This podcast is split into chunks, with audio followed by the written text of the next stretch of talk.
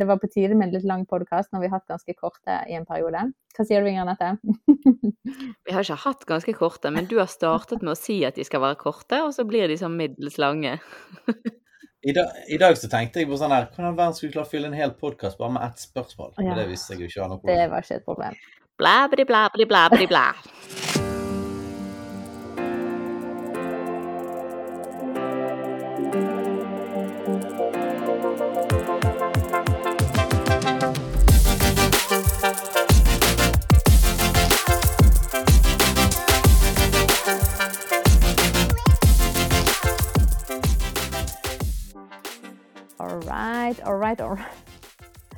Skal alltid bli han McConaughey Hva han heter Matthew McConaughey.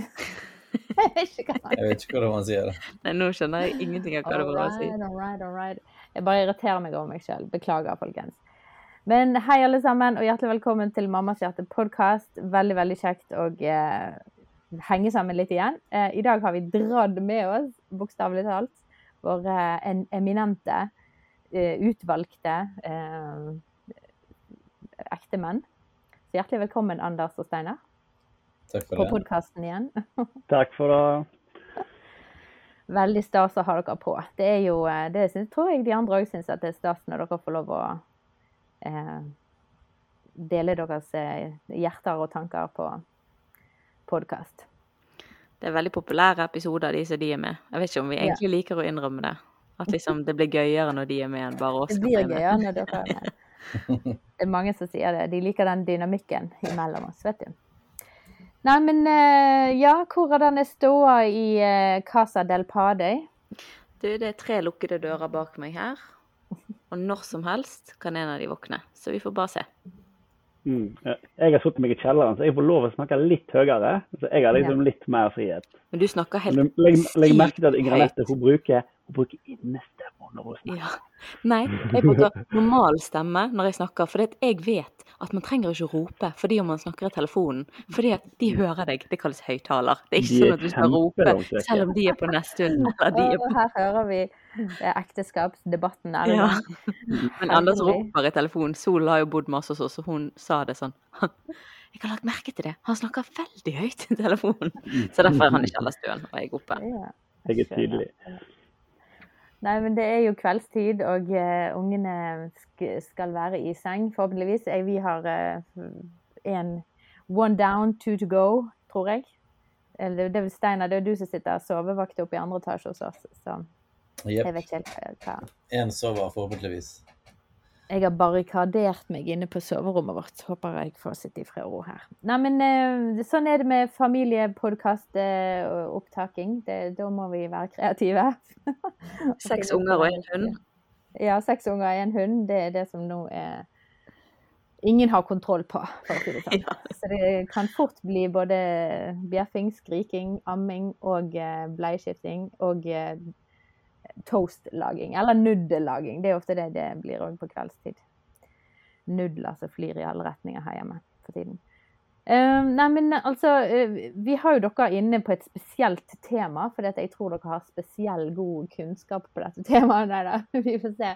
Uh, men jeg tror dere har mye bra å si. vi har fått altså et spørsmål fra en, en, en følger av oss, som skriver til oss her. Hei, dere kloke damer. Hører du, Inger Nette? Mm. Uh. Uh, og hun skrev en mail til oss for en tid tilbake etter vi hadde hatt en episode med Kristina Ekerhovd, eh, familieterapeut, som snakket om dette med at eh, når vi scrollet gjennom sosiale medier, så var det lett å kunne bli trigget eh, følelsesmessig av det som man så, og man på en måte kunne bli eh, deppa av eh, holdt på å si, deppet, eller man kunne på en måte føle seg mindre verdt, eller man kunne det gå utover selvfølelse, for man så hvordan andre ting gjorde det, og, hva, hvordan man behandlet det. Så vi snakket litt om det, da. Så hun syntes det var veldig interessant, og hadde lyst til at vi skulle eh, gå litt videre. For hun hadde litt spørsmål rundt eh, som vi skal da prøve å hjelpe hun her eh, følgeren på. Og det hun spør, eksempel, hun gir oss et konkret eksempel her, da det er at f.eks. så er det noen på Instagram som tipser om dette med å be sammen som par. Eh, og det er jo en veldig god ting, egentlig. Men, men når hun da ser det og uh, følger en følger som tipser om det, og at det er så bra for ekteskap, og vi, det styrker oss, og det er så bra, og de viser at liksom, hver dag så sitter de seg ned sammen og ber sammen, så får hun her bare vond følelse i magen. og hun, Det blir ubehagelig, det blir vondt. og Det fungerer ikke som inspirasjon eller oppmuntring. Uh, og det ender til og med opp at hun blir irritert og sur på denne damen som legger det ut. Og det er jo ikke sånn det skal være. Det var ikke det som var meningen til verken hun damen eller hun som nå sitter og ser dette. da. Så det blir jo på en måte litt sånn Ja. Så det som hun da lurer på, er eh, hvordan skal vi oppføre oss og håndtere folk som man får ubehagelige følelser imot? Eh, både i virkelig liv, men også på nett. Eh, er det bare generelt eh, Eller bare generelt hvordan håndtere ubehagelige følelser som sjalusi, skam og trass? Så det er liksom dagens oppgave, da, folkens. Um, forstår dere hvor vi eh, vil henne? Det er mottatt. Det er mottatt. Uh, har dere noen gang opplevd dette? At uh, det trenger ikke være dette temaet, at det har vært noen som har tipset om på en måte, dette med type å be sammen som par, men type at dere har sett en uh, Vi er jo mye på sosiale medier, jeg vet ikke hvor dere er, kjære menn. Dere er jo på mye gjerne i nyhetene eller på eh, andre plasser. Jobbmail. Jobbmail. At du ser et eller annet, og så bare kjenner du at det der irriterte deg skikkelig. Eh, har dere fått en sånn følelse av at du får en Ja, ja. Selvfølgelig. Ja, absolutt. Det regner jo med at alle, alle mennesker blir irritert. Er det bare meg? Selvfølgelig. Jeg tror ikke det finnes et menneske på jord som ikke blir irritert og trigget av eh, et eller annet andre sier eller gjør. Ja. Jeg har mest tilgjengelig irritasjon og, og glede. Det er de følelsene jeg har lettest tilgjengelig. Ja. Irritasjon og glede. ja. Mm. Du da, Anders, kjenner du deg igjen i dette? her? Har du opplevd denne følelsen noen gang at det er noe som noen sier eller gjør, eller på en måte en slags også, Som egentlig skal være en positiv ting, men så på en måte stikker det bare så imot det som på en måte var ditt behov, da? Dette var jo en, eh, en problemstilling med mange aspekt. Sånn at uh, en, en, kan jo Vi skal jo fokusere her på følelsesaspektet av det. og uh, Når du trekker inn dette her med, med skam òg, så får du på en måte et helt annet aspekt av det òg. Så det, det er mye, mye, spennende å ta tak i. Ja. Nei, men altså, Vi må jo begynne en plass. Så det jeg tenker på er jo dette med eh, Vi må jo begynne med følelsene. Hvorfor dukker det plutselig opp negative følelser inni oss når noe på en måte som gitt bare er egentlig ikke er til for å irritere. Det er ikke noen som måtte ha gjort eller sagt noe for å være stygg eller for å irritere. Altså, jeg skjønner jo det er jo naturlig at hvis noen sier du er stygg, så på en måte Selvfølgelig kan det stikke på en vond plass, men hvis noen bare sier eller gjør noe som på en måte egentlig ikke er hensikten med å irritere, men så på en måte gjør det det likevel, så hvorfor, hvorfor skjer det? Kan det hende En ting da, kan det hende det at på en måte um, folk kan gå ut litt prinsipielt mot ting som er veldig individuelt, bare for å starte litt sånn eh, og, og, med det så mener jeg med dette eksempelet, da, at eh, det er bra for alle å be sammen hver dag. Eh, sant? Eh, det er på en måte en litt sånn prinsipiell ting. Eh, men så kanskje på en måte fungerer ikke det i praksis for alle at det skjer på den måten. Og så kan man på en måte Den ene følelsen man kan få, at litt, man kan bli litt irritert fordi at man vet at, at det, det, kommer ikke jeg til å få til. Eh, og da kommer ikke jeg til å oppnå en viss sånn standard som noen på en måte har satt. At noen har liksom satt en sånn prinsipiell standard som du da kjenner at du aldri vil nå opp til, og det skaper en litt sånn ubehagelig følelse. Ja. At det kan være Og dette ting. kan jo gjelde òg andre ting. Lignende Jeg kan jo kjenne det mye igjen når det kommer til trening eller kosthold og sånne ting. At på en måte når folk viser til sine på en måte sine naturlige livsstiler, som er bare at de gjør det og får det til. Det kan trigge vonde ting i meg, for det er en standard jeg egentlig ønsker å ha, men så klarer ikke jeg å få det på en måte til i, i min uh, gitte hverdag, da. Ja, for én ting er jo liksom at det, det er en objektiv sannhet at det er best. Men en annen ting er at det kan finnes mange måter å gjøre ting på, da. Altså man kan liksom skille de to. Ja, jeg, men jeg tenker det må gå, nå gå enda dypere enn det å si det at det kan være ting som er 100% rett, og det ville vært 100% rett for deg sjøl, men samt likevel så får vi det ikke til. For det at livet er vanskelig. Eh, og og det kan treffe på en måte Vi alle må jo leve i i spenningen mellom det som vi tror er bra for oss, og som objektivt er bra for oss, og det at vi ikke klarer å få det til. Jeg tror at alle mennesker har det sånn. Og på en eller annen måte så må man på en måte klare å leve med det. Og liksom til og med de som da eh, Hvis du tar liksom bønneeksempelet, som virkelig liksom det, det liksom funker bra i ens ekteskap, så vil det helt definitivt være andre områder av livet da, sant? som man kjenner at man ikke får til eh, på en sånn standard. Og, eh, så vi, måte, vi må jo finne en eller annen måte å deale da, mellom hva gjør vi med måte, spenningen mellom ytre forventning eller forventninger vi har satt til oss sjøl, inni oss, og det at vi faktisk ikke klarer det. For det er jo ingen som klarer alt, da. Alle tingene, sant. Eh, men det er jo gode mål å ha seg, så det på en måte er jo greit å anerkjenne med seg sjøl. At ja, men jeg har jo et mål, og det er jo bra at jeg har et mål om at jeg ønsker å be med min partner, eller jeg ønsker å, å trene og være fysisk aktiv. Så akkurat det er jo en positiv ting. Man skal ikke slå seg sjøl fordi at man har et mål. Jeg syns jo at målene i seg sjøl er veldig gode. Det var egentlig det jeg prøvde å si med at det er det ene perspektivet. At noe er på en måte Vi er alle enige om at kanskje det her er lurt. Men så har du det andre perspektivet, som kanskje er veldig liksom eh, inni dette med å være foreldre, da. Og det er jo det at man har så utrolig ulike barn. Og da kan man kanskje bli veldig trigget hvis noen kommer med andre eksempler, som f.eks. sånn her Ja, vi gjorde det sånn med søvn, eller vi gjorde det sånn med mating, og det er sånn man bør gjøre det. Sant? Og så sitter man, og så vet man at ja, men det kommer aldri til å fungere. For eksempel, jeg har en unge som jeg ammer. Så kan jeg ta han opp på natten og rape, og legge han ned. Sant? Men eh, han kan gjøre når han har fått mat om natten, så er han så slapp og trøtt at du kan nesten gjøre hva du vil med han. Sant? Og det er jo min situasjon. At jeg kan skifte bleie på han, jeg kan styre på uten å sove videre. Mens hvis du da har en unge så hvis du tar han opp for å rape, så er han våken i to timer. Sant? Så vil du velge annerledes. Her er det ikke noe objektivt hva som er rett og galt å gjøre i den situasjonen. Og da kan det jo på en måte trigge hvis noen kommer med en sånn prinsipiell ting som egentlig ikke er prinsipiell, men mm. egentlig er individuell. Eh, mm. sånn at det er jo òg en ting. sant? Man kan bli litt irritert når noen på en måte er påståelig uten å liksom vite din situasjon, da. Mm. Ja. Absolutt. Og de tingene kan jo ofte gli inn i hverandre òg, sant. Og der man mm. gjerne er òg uenige om er dette en objektivt riktig ting, eller er det ikke en objektiv riktig ting. sant? Men, men, eh, og mitt poeng er jo på en måte at vi alle må, må leve med den spenningen. da. Eh, det er på en måte ikke noe men, noen slipper unna. Ja, og, da, eh, og, det er veldig bra sagt å prøve å skille. Sant? Og det er jo noe som vi vil nå gå litt inn i, dette med selvledelse. Hvordan leder man seg ut av disse litt vonde, såre, stikkende følelsene.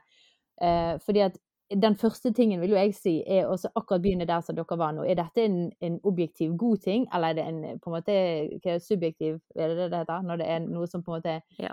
Nei, den tingen den vil ikke funke for meg. Jeg må bare dytte den ut av veien. for dette, den, eh, Å, å veke den ungen for å rape nå, det vil ikke funke. For dette, da vil jeg være våken. Ja. At man må liksom ta, det, ta den type valget først. da. Er dette noe som er riktig overfor vår situasjon, eller er det noe som vi ikke skal på en måte gå for det. Men så da neste steg, da, når vi da sitter med en følelse, vi, da må jo meg og Anders få lov å eh, Vi har mye følelser. Nå er det vårt bord. Følelsesmenneskene i, eh, i, gjengen her. Nå er det følelsesmenneskene sitt kvarter. OK. La meg lene meg tilbake med litt brus. Nå kan du kose deg med brusen, Anders, hva har du gjort, liksom, når, når du får disse her eh, skuffende, vonde følelsene. Hvordan klarer du å på en måte sortere? Det er jo dette ordet sortere og rydde i de for å på en måte vite hva skal jeg holde fast mm. i, hva skal jeg skufle vekk, hva skal jeg, mm. ja, hva skal jeg handle på, hva skal jeg ikke handle på, liksom. Mm. Altså, jeg, husker, eh, jeg husker første gang jeg, eh, jeg lærte om konseptet av at eh, tanken styrer følelsen, eh, så trodde jeg ikke på det. Eh, for oppi mitt hode så var det så naturlig at selvfølgelig styrer følelsene alt her i livet.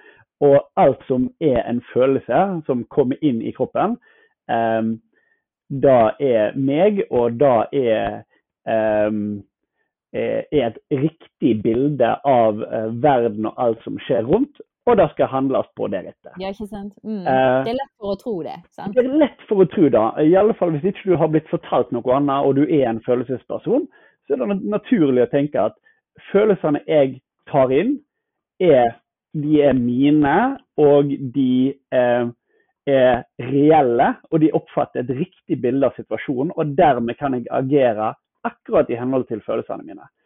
Um, men så, på et tidspunkt, så, så uh, Når jeg lærte om dette her med at ja, okay, tanken kan styre følelser, ja, ja, hva vil det si? Vil det da si at okay, det er ikke alltid følelsene som er på en måte i førersetet i livet, og er ikke det alltid det riktige å gjøre?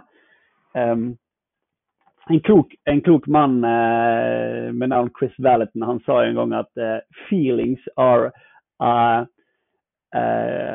a great slave, but a terrible master. Ja, godt sagt. Og det syns jeg er et utrolig bra ut, utrolig bra saying som jeg har tatt litt med meg videre. At følelsene de er ment til å være indikatorer på hva som foregår i, i, i livet vårt. Og de er ment til å være verktøy for å hjelpe oss å navigere i livet. Men de skal ikke styre. De skal ikke sitte i førersetet og diktere om du skal hoppe eller om du skal sitte. Um, og jeg tror det, i alle fall for min del, har ligget litt av nøkkelen i å forstå, forstå akkurat det. Um, og så begynner jo da reisa i å navigere i OK, kan du sette da viljen foran følelser og endre følelsene dine. Nå, er ikke målet nødvendigvis å endre følelser heller, men å ikke alltid behandle følelsene som, som sjefen i livet ditt.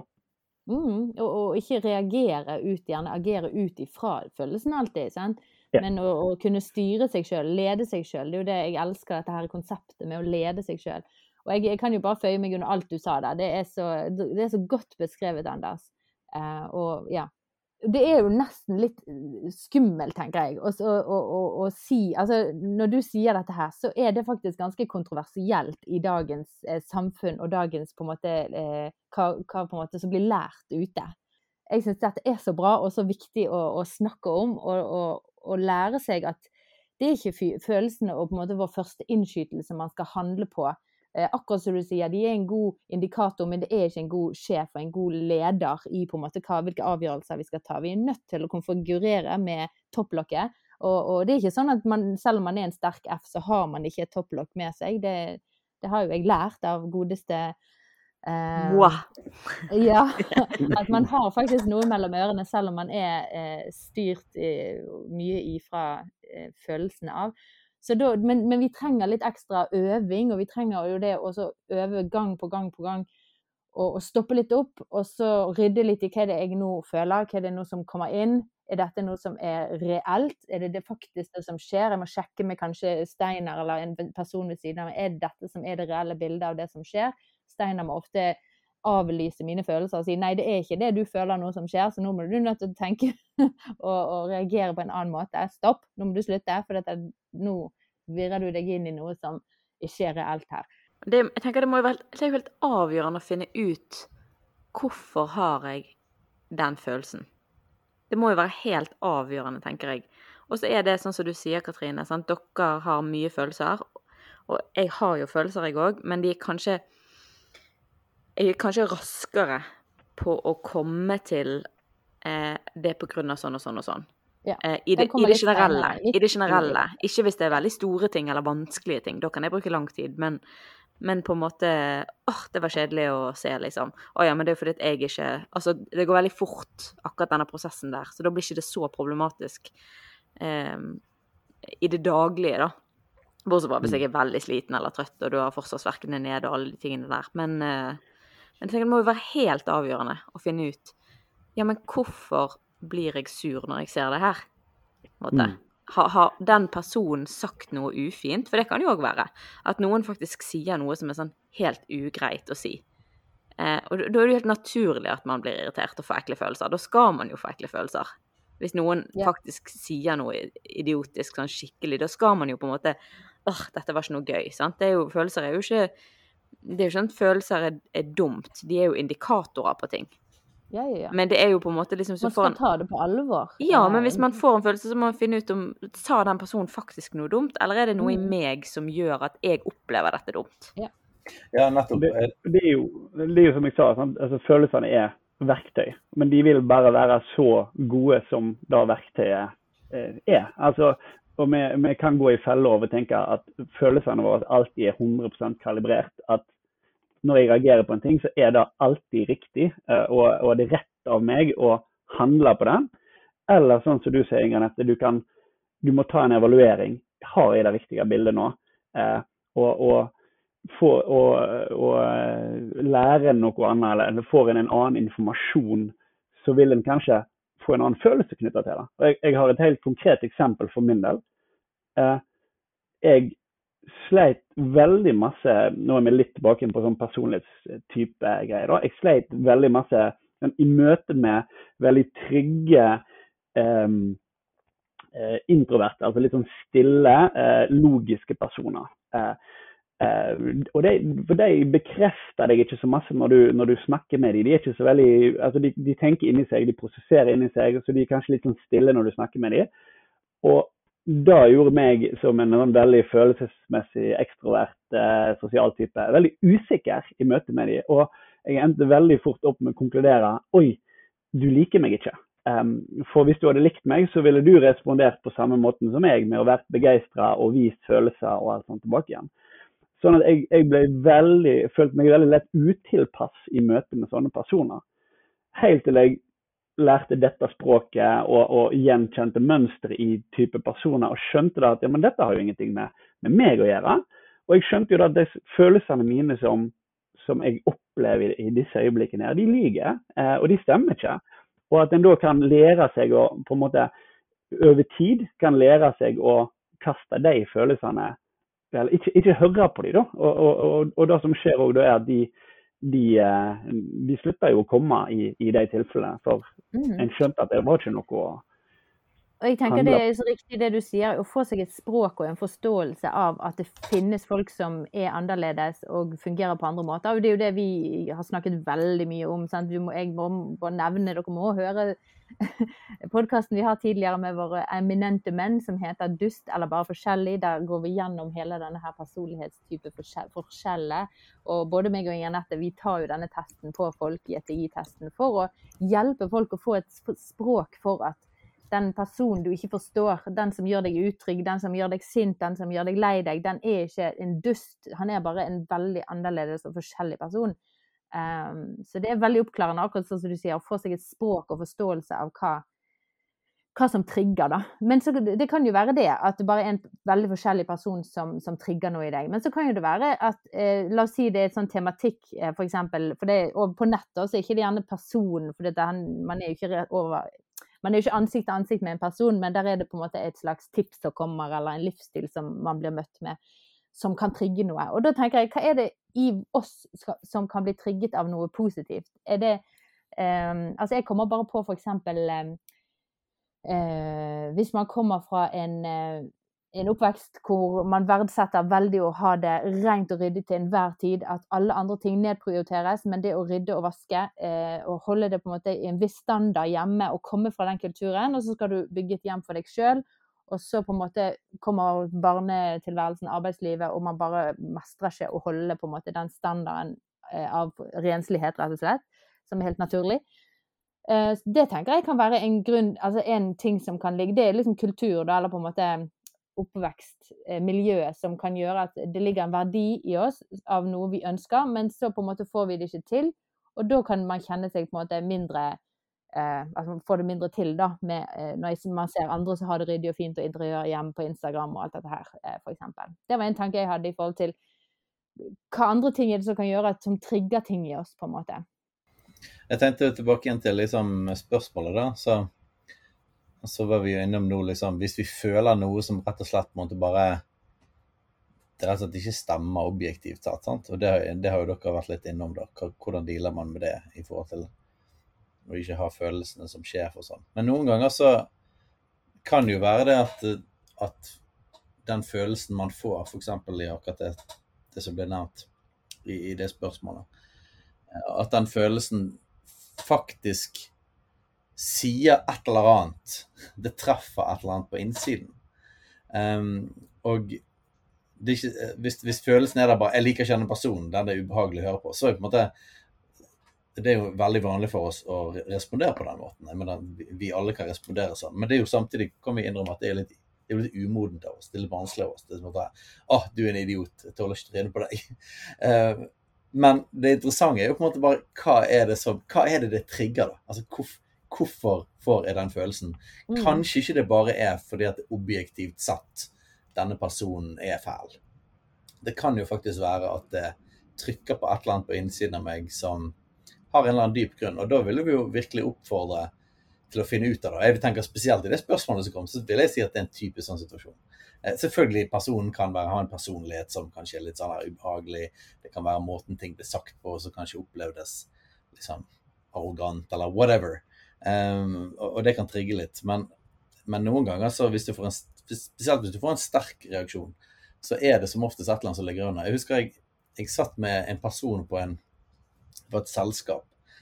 Um, og så satt jeg med den personen og snakket med personen, og jeg var så utrolig irritert. Jeg merket det. Jeg, bare, jeg ble surere og surere på den personen. Og det var sånn at til og med når vi kjørte hjem et par dager etterpå, så var jeg fortsatt irritert på personen. Og det var bare sånn at Jeg kunne ikke fatte hvorfor jeg var så sur. Ja, For det var jo ingenting som var blitt sagt i det selskapet som Nei, det var jo det var gjerne noen småting eller der og der. og Det var kanskje noe med holdning og sånn, men det var likevel ikke det var liksom ikke nok til at jeg skulle bli så sur og tenke på det i flere dager. Og, og her var jo, Dette blir jo fra en sånn en kristen kontekst, da, men jeg tror, jeg tror at man kan finne noen av disse tingene her i psykologien òg. Um, og så var vi på et eller annet greier der vi, der vi skulle jobbe med på en måte sånne hjerteting. Uh, og uh, negative opplevelser vi hadde i livet, og, og snakke om de tingene. Og så plutselig så slår det meg, for da, så kom denne situasjonen opp, da. Og så plutselig så slår det meg at denne personen minnet meg om uh, noen som hadde mobbet meg. Eh, og det var et eller annet med personligheten og måten å være på som var et eller annet som bare traff skikkelig på den. Uh, så jeg nesten bare, jeg tålte ikke trynet liksom, på den personen uten at jeg egentlig kjente den. Uh, og det var veldig irrasjonelt. Og da skjønte jeg at her må jeg deale med et eller annet inni her som har med noen dårlige erfaringer, noen smerter, noen sår som jeg faktisk har fra gammelt av. Um, og, så der var det jo sånn veldig dyp ting. Men noen ganger så kan det jo bare være det at det treffer en eller annen opplevelse av at jeg ikke er god nok, eller en opplevelse av at uh, jeg er ikke liksom Jeg er ikke elsket. Jeg er ikke Det er et, eller annet der, da. Um, og alle som alle mennesker som treffer et eller annet med at jeg ikke er god nok, det tror jeg provoserer folk. Um, og da tenker jeg at da, da, må man jo gå inn og deale med den tingen. Jeg tror ikke det bare det handler om å unngå den personen, men å faktisk måtte jobbe litt med hjertet og hva det som ligger her. Ja, bli trygg i at man er god nok, da. Eh, for hvis du, hvis du, vet at du vet at du vet at du vet at du er god nok, yep. så er det ingenting noen kan si som kan irritere deg det er jo en naturlig respons at vi mennesker vi søker jo å på en måte prøve å bevare vår verdi, eller liksom hindre at den blir degradert. Og Da er det jo naturlig å få en følelse knytta til det, når du føler at verdien din blir forringa. Og jeg òg skulle ønske at jeg hadde et ekteskap der vi kunne be sammen, eller jeg òg skulle ønske at jeg fikk til å trene så og så ofte. altså Få en følelse av verdiforringelse, og så prøver du å på en måte Ja, skaper jo da en, en, en ekkel følelse i deg som du, du, du prøver å ja, respondere på på en eller annen måte. Her er det jo viktig også å, å, å da sant, stoppe opp, og så hvis det er det som på en måte her er, rokker det ved min verdi jeg Oi, jeg har puttet min verdi i at det skal være rent og ryddig her, eller at jeg skal få til å trene så og så mange ganger, eller at jeg har en verdi i at vi skal be så og så mye, da, da får vi et bra ekteskap. Men på en måte om, justere litt om at på en måte hvor vi putter verdien vår, da. Det er jo en, på meg, ett steg på denne her stigen så på en måte vi, i forhold til selvledelse. At det, det å putte verdien sin i og for, for, meg så handler det ofte om å se på ting, minne meg sjøl på ting jeg er god på, f.eks. Når jeg møter en situasjon hvor jeg ikke strekker til, og jeg ser andre er utrolig flinke på, og jeg, og jeg får litt sånn Eh, eh, her har jeg ingenting å komme med. F.eks. jeg var på Oslo Symposium, skulle så snakke foran masse masse mennesker, masse smarte politikere, og så skulle jeg stå der. Og jeg bare kjenner det skyller over meg med sånn her Eh, ja, at jeg er ikke smart, jeg har dysleksi, jeg kan ikke komme Altså, jeg måtte liksom jobbe så heftig med de tankene, da. Eh, men da må jeg begynne å sitere for meg sjøl. Hva er det jeg er god på? Hva er jeg god på å stå foran mennesker? Jeg er trygg til å snakke på en måte. Jeg måtte eh, heve opp de andre tingene jeg er god på, og så må jeg jobbe med at jeg er god nok. Uansett om på en måte det ikke vil gå bra der, eller jeg sier noe kjempeteit, så, så har ikke jeg min verdi der. Jeg må jobbe med hvor er det jeg planter min egen verdi. da. Eh, så det er én ting. Eh, og så er det jo på en måte òg det med å vite om sine svakheter. Det har vært veldig styrke og hjelp for meg i forhold til denne testen som vi òg har snakket mye om. I forhold til å bare bli bevisst over at vi kan ikke være gode på alle områder. Vi skal ikke være Altså vi mennesker er det er komplett umulig å være perfekt på alle områder. Takk og lov for det. Det hadde vært grådig slitsomt å være perfekt på alle områder. Men på en måte eh, eh, omfavne de styrkene man har, bruke de, være skikkelig stolt over de. Jeg er stolt over min 14 eh, fullscore på F. Det er liksom ekstrovert F, det er meg. Eh, yes, jeg griper den og flagger den overalt. Og så vet jeg at logisk tenkning er en av mine svake måte, områder, og der må jeg nødt til å, å, å være ærlig med meg sjøl og tenke at OK, her har jeg noen utfordringer, her må jeg nødt til å jobbe. Jeg går ikke der når jeg er sliten og trøtt. Eh, det er viktig at Steinar at han ikke pusher meg der.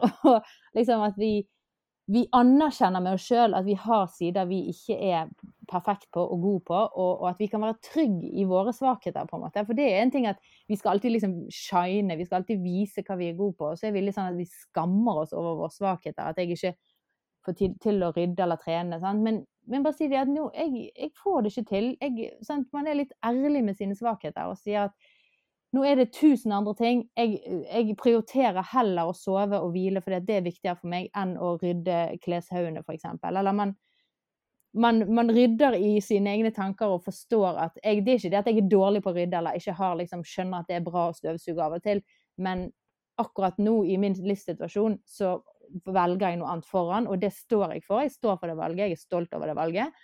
Og så på en måte eie de tingene man er god på, eie de avgjørelsene man tar, men òg være ærlig med de tingene man ikke får til. Ja, hvis dere skjønner. Fun fact, eh, Katrine. Apropos eh, svakheter og styrker hos oss. Eh, nå sitter vi her for de som kan dette om testgreiene. Og vi har, ja, og vi har alle hovedfunksjonene representert.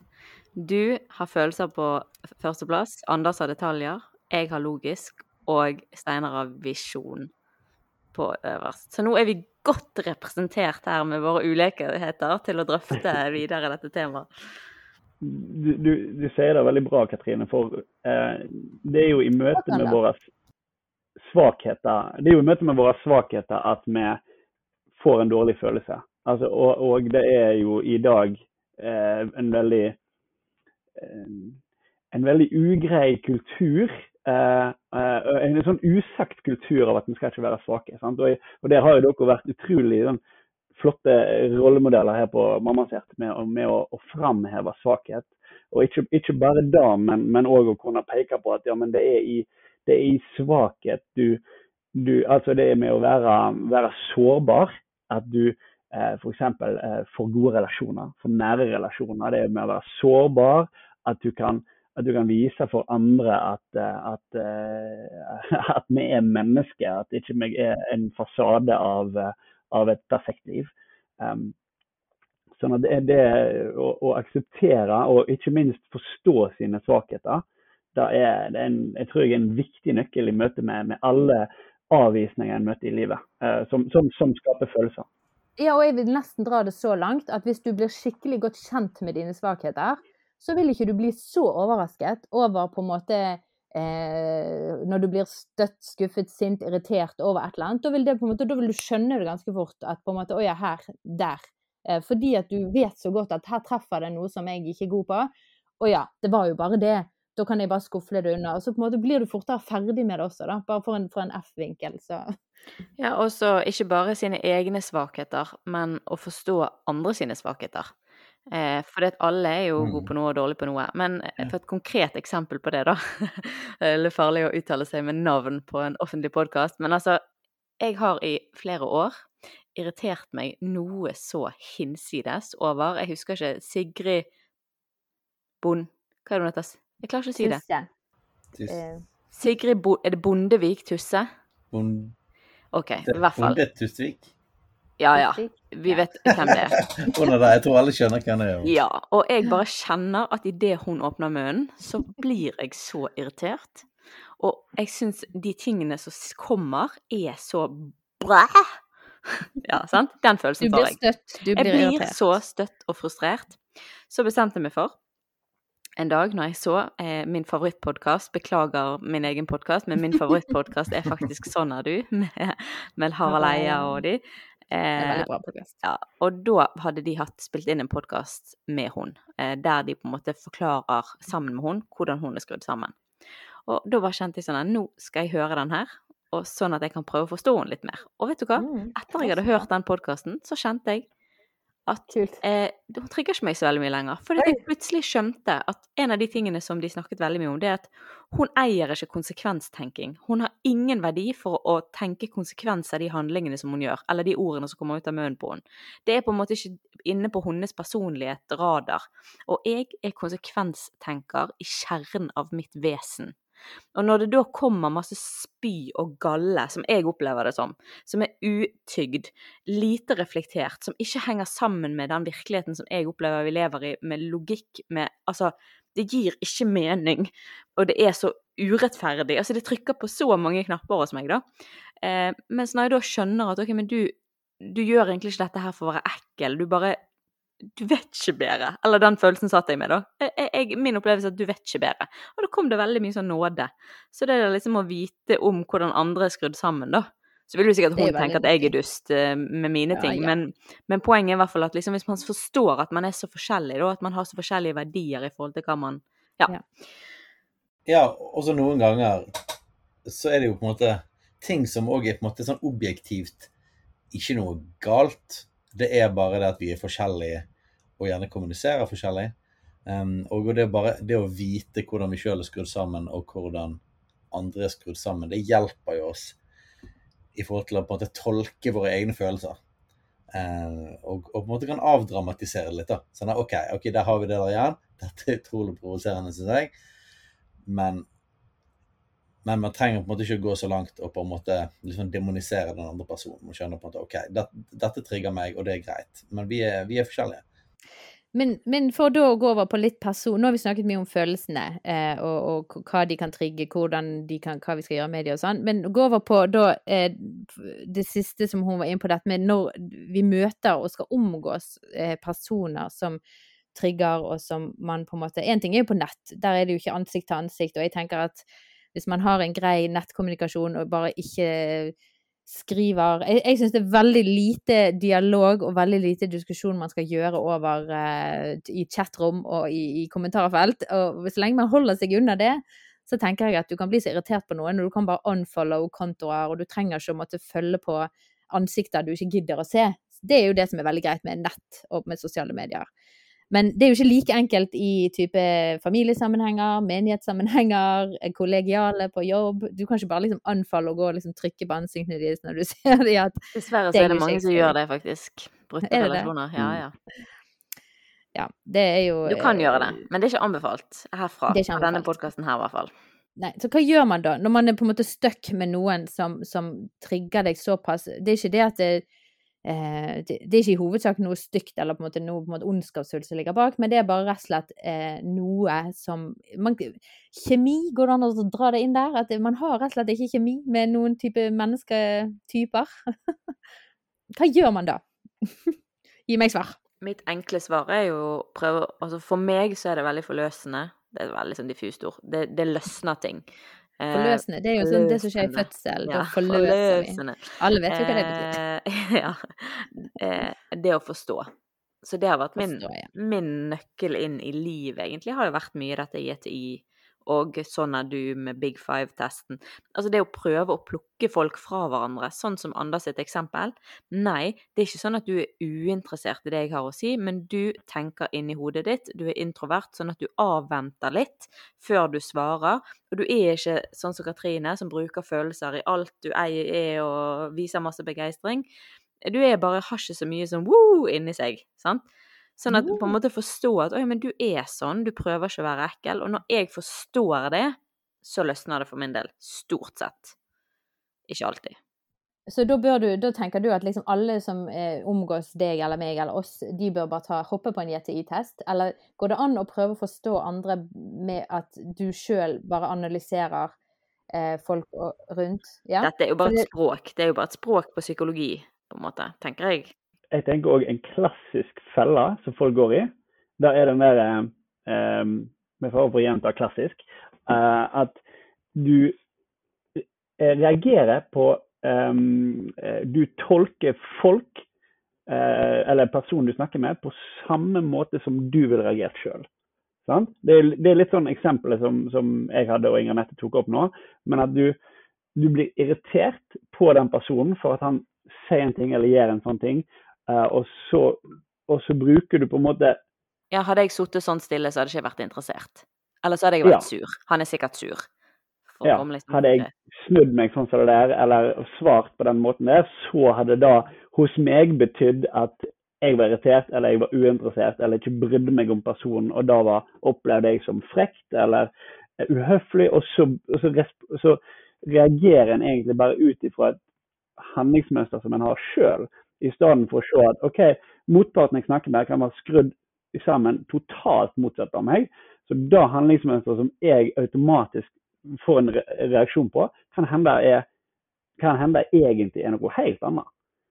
Ja, og det, det, er egentlig å gi, eh, å, å gi um, Du er så flink å bruke det der 'the benefit of the doubt', Ingrid Nette. Du, du, stopper alltid opp og gir folk Ja, du gir folk alltid en sjanse til å på en måte motbevise seg sjøl. At du, eh, du, analyserer gjerne først. OK, hvor, hvor, kommer det derfra? Ja, kanskje du er en sånn introvert, eller en, en introvert F som har mye innefølelser som på en måte kommer Eller sånn om Hun virket sur. Er hun sur, eller er hun bare trøtt? Altså, er det meg de er sur på? Sikkert ikke meg, hun var sikkert bare trøtt. Altså, på en måte Prøv å liksom gi folk en ny sjanse før du liksom ah, sant? Men liksom Ja, men det er sikkert en god grunn for at de er for seine, eller det er sikkert liksom Altså går det an å, å gi mennesker eh, Å jobbe med å gi mennesker så mye nåde som man gjerne hadde ønsket man fikk sjøl.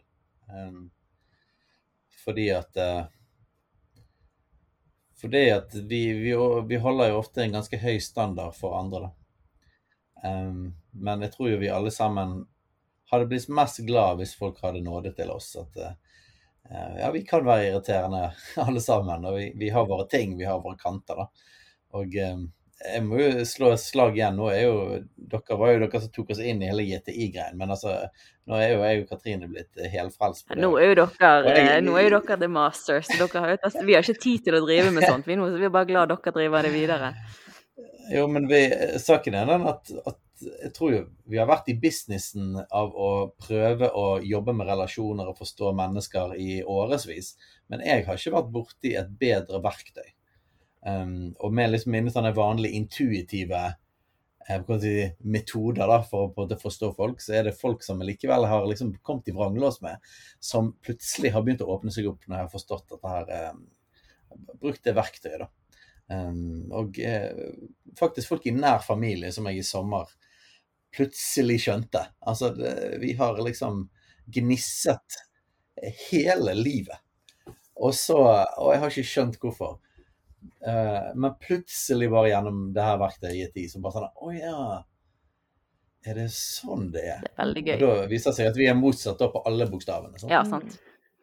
Bare sånn, Jeg har lyst til å trekke fram et sånn gøy eksempel da, med dette her, som du sier, Steinar, med å vise andre like masse nåde som du ville foretrukket at andre viste deg. Eh, trafikken. Når du kjører i eh, Når du kjører litt feil, du bommer på et rødt lys i trafikken. Ja, sant. Men det som skjer, er at hvis noen andre gjør det, så er det liksom Og folk fløyter og hutter med nevene og galsinte. Men gjør du det sjøl, så er det hups! Og, og et lite vink, sant.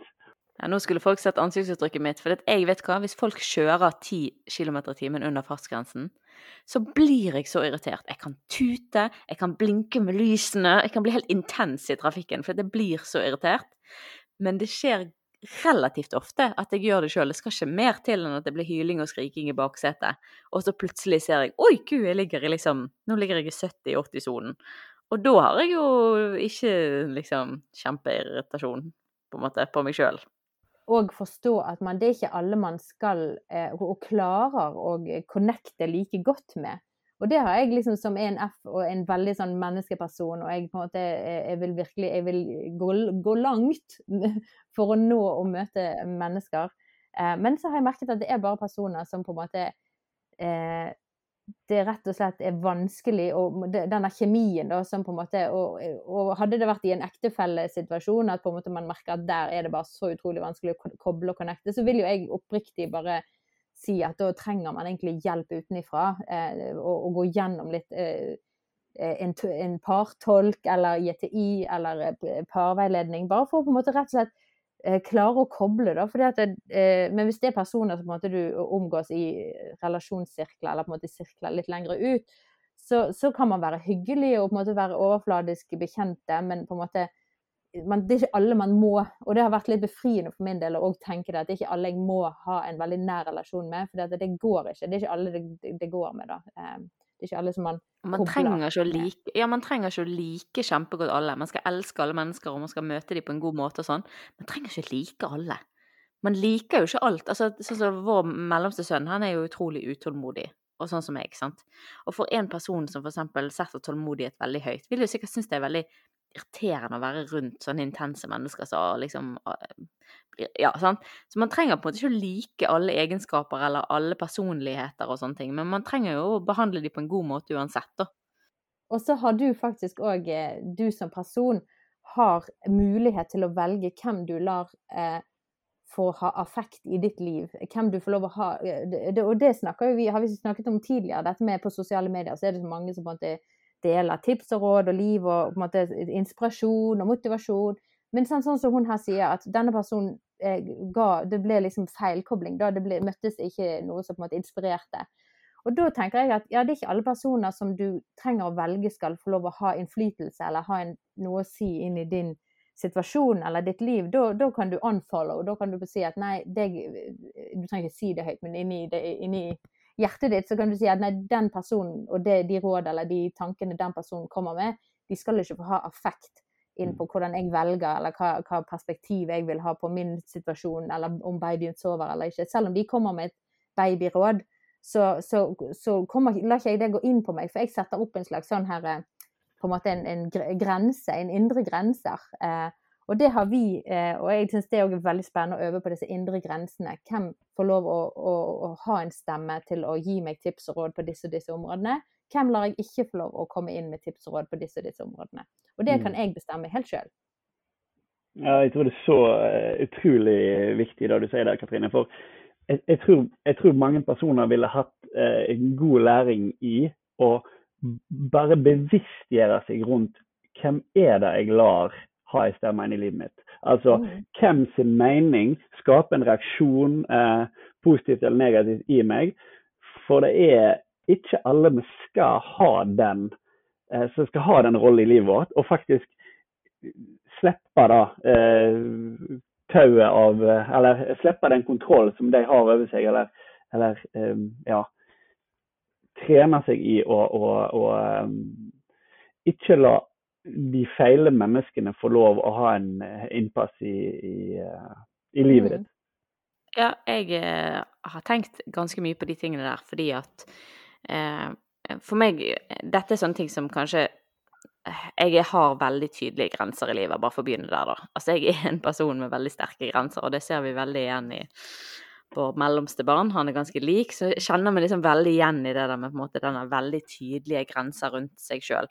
Eh, så for meg faller dette veldig naturlig, det var bare det jeg skulle si. Ehm, men eh, og, og det som skjer, da skjer dette litt automatisk i, i, mine relasjoner. Og det som har vært litt interessant å se liksom når man blir litt eldre, det er at hvis jeg har satt noen i en bås av at eh, du har ikke rett til Eller jeg Det høres jo veldig brutalt ut, men, men din stemme teller ikke så veldig høyt i mitt liv.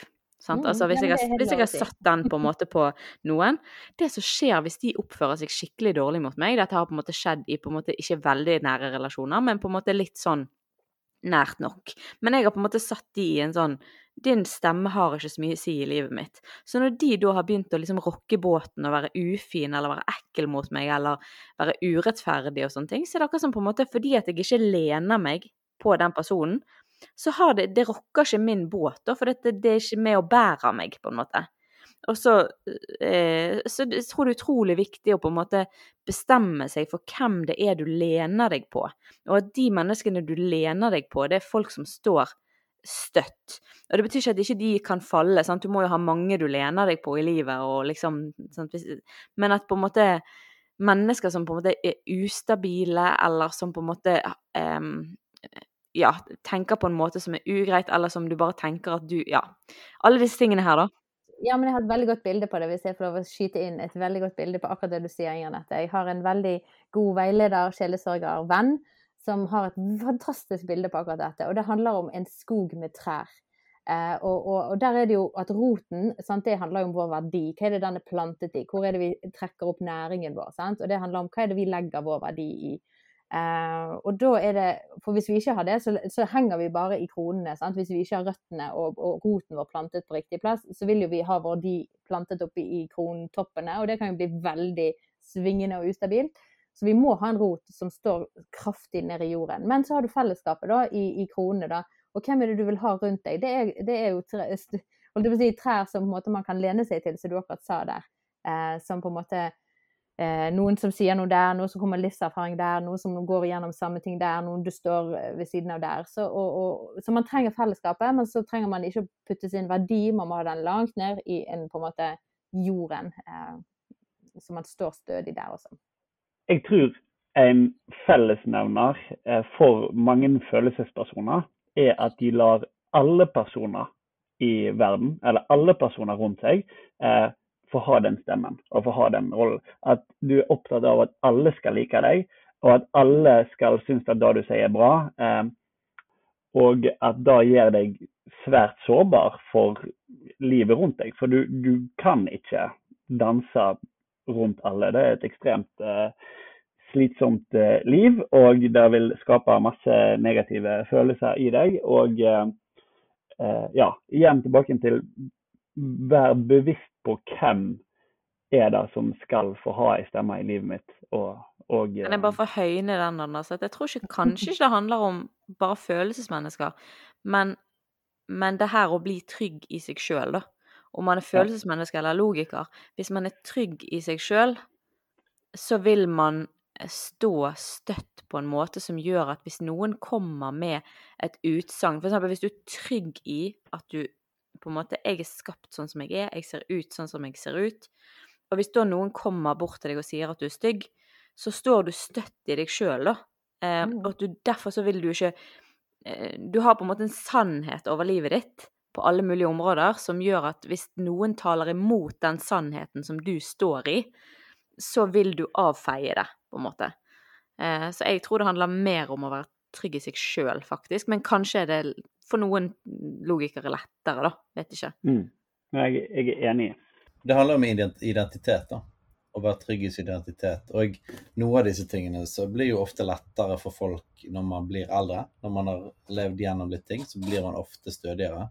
Jeg tror vi alle sammen uh, tenker at vi var litt mer sårbare når vi var tenåringer. Um, men men så er det et eller annet inni der, og jeg kommer liksom ikke utenom det at Iallfall for mitt liv så handler jo dette veldig mye om å være trygg i Guds nåde. Og det at man er elsket.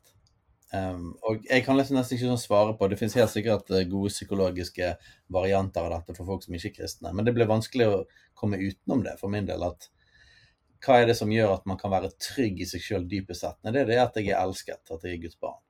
Og det betyr at til og med når jeg eh, ikke får ting til, til og med når jeg har gjort noe som ikke var bra, til og med når jeg ikke strekker til, til og med når eh, Eller om det er bare det at jeg er forskjellig og jeg er den jeg er skapt sånn, så er det på en måte det er et eller annet som er under alt det der. Det er ikke sånn at det andre folk sier, eller hvordan At, at det på en måte kan slå meg ut. Da. Det finnes et, et anker, en fundament inni der.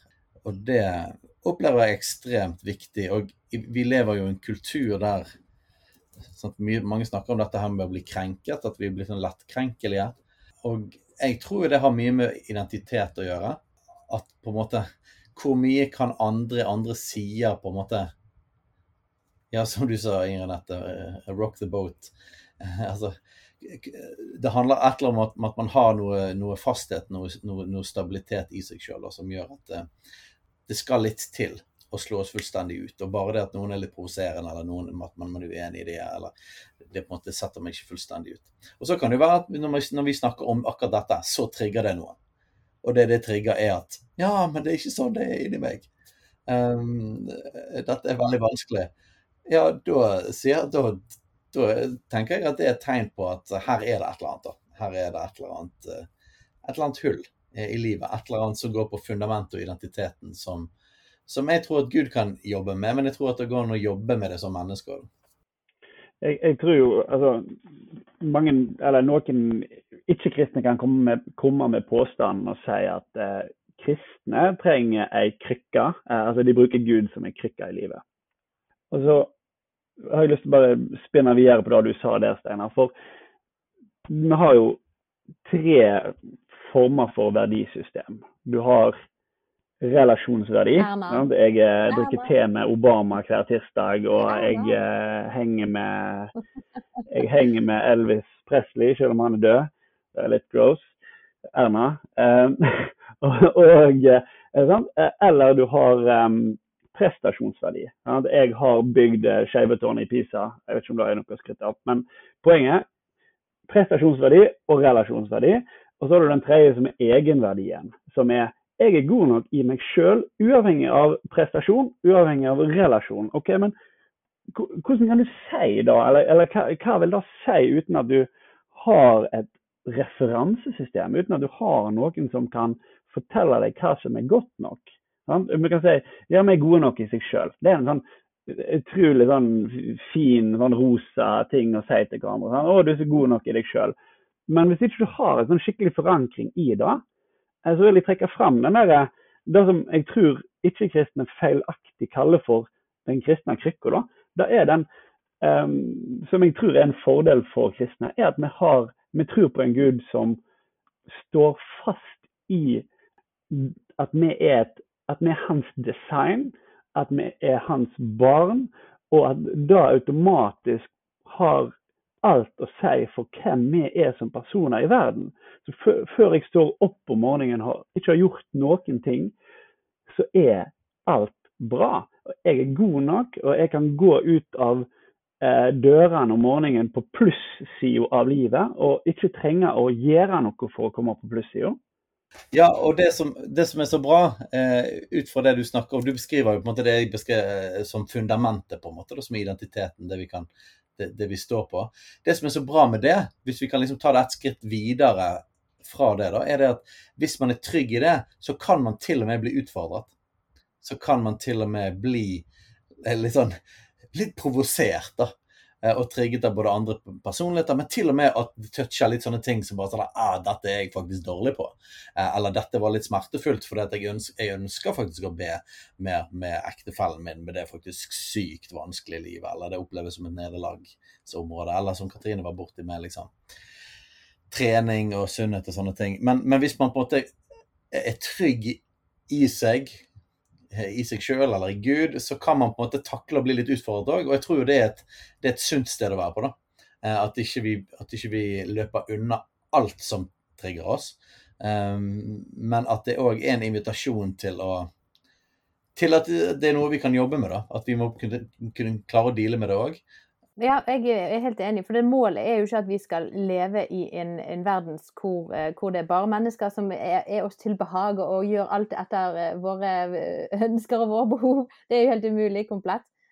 Men faktisk leve i en, en verden tett og nært på mange relasjoner, men faktisk eh, klare å lede seg sjøl. Og nå vil jeg tilbake til selvledelse. Eh, å lede seg sjøl på denne måten vi har snakket om her i dag. Ha dette fundamentet som gjør at vi er jeg, jeg ser jo for meg disse endene som svømmer på vannet, eh, som har dette laget med sånn talg eller hva de har utenpå seg, sånn, som gjør at vannet det preller, det preller bare av dem. Sant? De kan sitte på vannet i timevis, og de blir ikke våte. Det, det, og det føler jeg liksom Jeg, jeg har liksom bruker den litt i mitt eget liv. At jeg, det, det kommer ikke nært inn. For jeg har liksom den der identiteten som dere snakker om, eh, på plass. Um, så, så, her var det mye gode tips til selvledelse, vil jeg si. Vi skal gå til en avrunding nå. Nå har vi brukt lang tid, men det var på tide med en litt lang podkast når vi har hatt ganske korte i en periode. Hva sier du, Inger Nette? vi har ikke hatt ganske korte, men du har startet med å si at de skal være korte, og så blir de sånn middels lange. I dag, I dag, så tenkte jeg på sånn her Hvordan verden skulle klare å fylle en hel podkast bare med ett spørsmål? Men det visste jeg jo ikke var noe problem. Det var ikke et problem. Blæ, blæ, blæ, blæ, blæ, blæ. Jeg syns det kom frem veldig mye gode og viktige poeng. Så tusen takk, Anders og Steinar, for at dere eh, var med og belyste dette er viktige temaet med oss. Har dere lyst til å si hei og ha det til, eh, til eh, gjengen vår? Hei og ha det. Hei og ha det. Jeg har det, jeg har det. inntil vi snakkes igjen, uh, mammas hjerte. Føler jeg. Ja, Nå var du ute av ditt eget element, Steinar. Det er jeg som pleier å ta de der. Vi snakkes igjen, da, vennen. Jeg var litt, jeg var litt små, sarkastisk. Ja, hørte det. Det går helt fint. Det tåler vi, for dette det, jeg er trygg i min identitet. Så jeg tar ikke meg nær av at dere er sarkastiske mot mammas hjerte, som er min lille baby. Nei, men eh, Veldig, veldig koselig å, å, bruke tid med dere. Og, og, takk for at du lyttet på Du som lyttet. Hvis du har spørsmål, ta kontakt. Eh, vi svarer alle mail, men det sier jeg jo på slutten òg, så det var jo tullete å si det en gang til. Da høres vi i neste episode!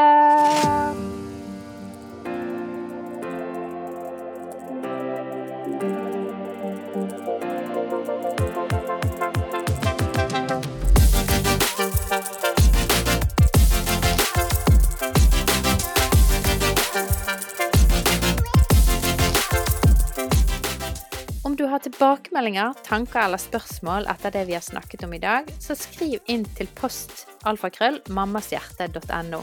Vi svarer alle mail. For å lære mer om Mammas hjerte kan du besøke vår nettside mammashjerte.no.